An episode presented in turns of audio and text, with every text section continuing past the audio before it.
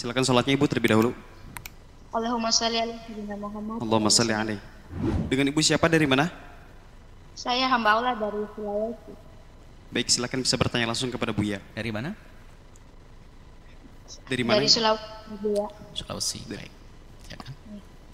Bu ya, saya mahasiswa bersadar dengan jurusan yang saya ambil di kampus Sebentar. itu perbankan syariah. Sebentar mic-nya agak dijauhkan dikit supaya suaranya stabil. Iya. Gimana? Saya mahasiswa bercadar, Bu ya. Mahasiswa? Bercadar. Baik. Dengan jurusan yang saya ambil itu jurusan perbankan syariah. Jurusan? Perbankan syariah. Baik. Terus? Eh, terus sekarang saya bingung mau lanjut kuliah atau tidak karena saya berpikir nanti ilmu yang saya ambil di perbankan Sebentar, suara Anda kurang stabil, jadi kami kurang bisa mendengar dengan baik. Gimana? sekarang saya Nah. bingung bu ya Ah, itu hilang, hilang lagi. Sekarang? sekarang saya bingung bu ya Nah, itu sudah suaranya. Kayak gitu, posisi mic-nya seperti itu. iya saya mau lanjut kuliah atau tidak itu karena saya berpikir nanti ke depannya mungkin ilmu saya itu tidak saya gunakan karena di sisi lain saya bercadar dan mungkin bank-bank tidak akan menerima kalau ada pegawai yang bercadar seperti itu bu ya Masya. Terus, terus yang saya mau tanyakan kepada Buya, sebenarnya wanita itu yang lebih utama itu atau lebih baiknya di rumah atau bekerja Buya? Baik, Masya Allah. Terima Cukup? kasih jawabannya Buya. Sama-sama, Insya Allah. Ya. Yang pertama adalah masalah pendidikan Anda. Dilihat.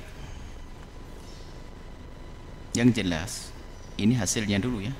Supaya Anda bisa mempersiapkan Anda menuju hasil. Hasilnya begini. Kalau Anda punya keahlian dalam ilmu perbankan, jangan sampai berkata tidak ada yang mau dengan Anda. Kalau memang Anda berkualitas, orang tidak melihat cadar, melihat kualitas Anda dong. Apalagi saat ini banyak bank-bank syariah yang sudah betul-betul ingin menerapkan syariah di dalamnya. Banyak yang menerima Anda asalkan Anda memang punya potensi dan punya keahlian, tidak usah ragu. Cadar tidak menjadi sebuah penghalang kok. Bahkan orang itu yang profesional, yang orang yang memang mm, serius itu malah lebih percaya dengan orang bercadar semestinya. Seperti kisah kisah dulu ada seorang wanita Indonesia yang belajar di Perancis dengan cadarnya ternyata dikagumi oleh para dosennya. Kenapa? Karena ini menunjukkan dia serius dengan agama. Kalau serius dengan agama pasti serius dengan pelajaran. Maka ternyata betul wanita tersebut sukses dengan pendidikannya.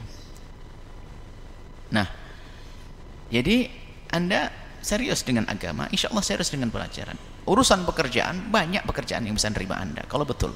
Dan memang kita juga memerlukan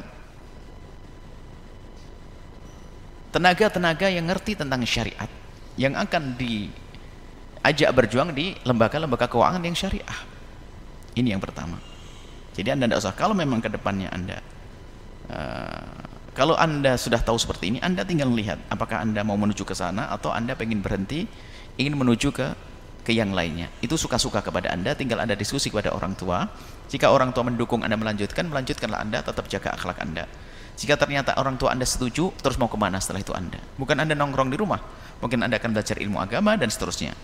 Ini jadi boleh anda melanjutkan boleh tidak pun boleh. Intinya tujuan anda harus anda jelaskan Baik, kemudian wanita yang terbaik itu bagaimana?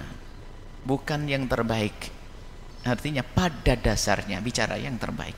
Bisa saja wanita yang berjuang bekerja itu menjadi yang terbaik. Karena apa? Melihat suaminya adalah tidak bisa bekerja suami ini. Jadi beda-beda antara orang dengan orang. Cuman begini, pada dasarnya seorang wanita itu adalah duduk manis cantik di rumah. Karena dia mengemban amanat yang besar menjaga amanat suami, rumah dan semua yang ada di isinya termasuk di dalamnya adalah anak-anaknya. Ini adalah seorang wanita dan itu jihadnya di situ. Pada dasarnya begitu. Maka agar ada keserasian, suami bekerja di luar untuk mencari rezeki, wanita yang menjaga di rumah dengan anak-anak. Nah, ini seharusnya seperti ini. Tapi lihat sebagian orang dengan kesibukannya, dia bekerja cari duit, tak taunya anaknya dikarikan, dikasihkan seorang pembantu yang tidak punya pendidikan. Bayar juga. Ini kan orang bingung.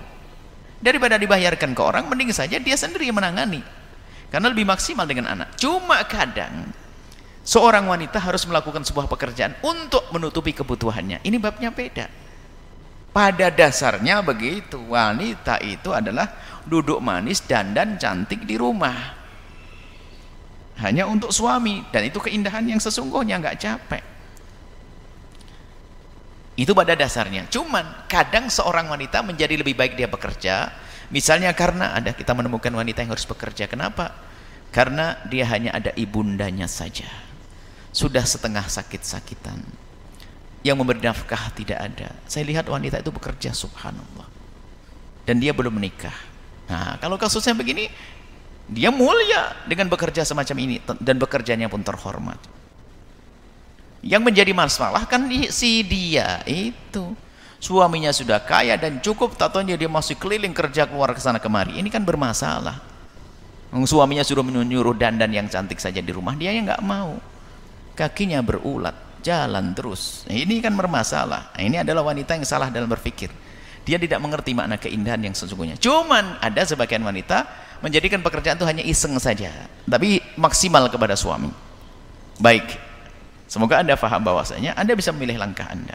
Ke depan mungkin Anda adalah menjadi orang yang sangat tidak pernah keluar karena dicukupi suami dan semoga ini.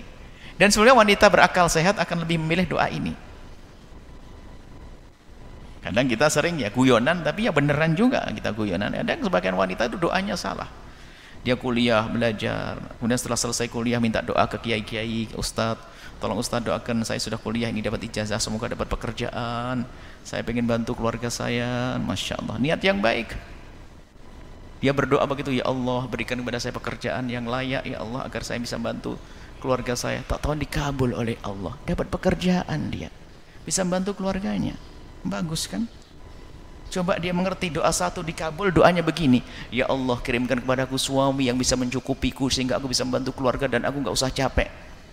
Nah, enak ini. Cuman doanya salah, cuman satu dikabulnya. Ya, jadi kalau doa yang benar ini ya Allah kirimkan suami yang mencukupiku, menyayangiku sehingga aku bisa membantu keluargaku semuanya. Ah, enak. Aminnya dikabul oleh Allah. Nah, ini. Nah, ini sebenarnya akal sehat akan ngomong begitu.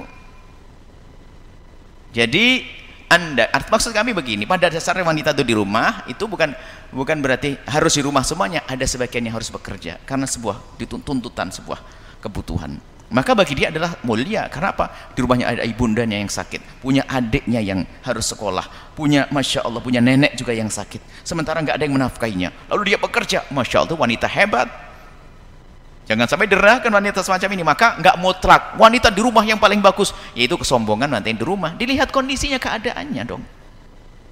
Seperti itu. Semoga anda dimuliakan oleh Allah. Dan semua yang menyaksikan yang mendengar yang hadir dimuliakan oleh Allah. Mulia di dunia dan mulia di akhirat. Allah alam bisawab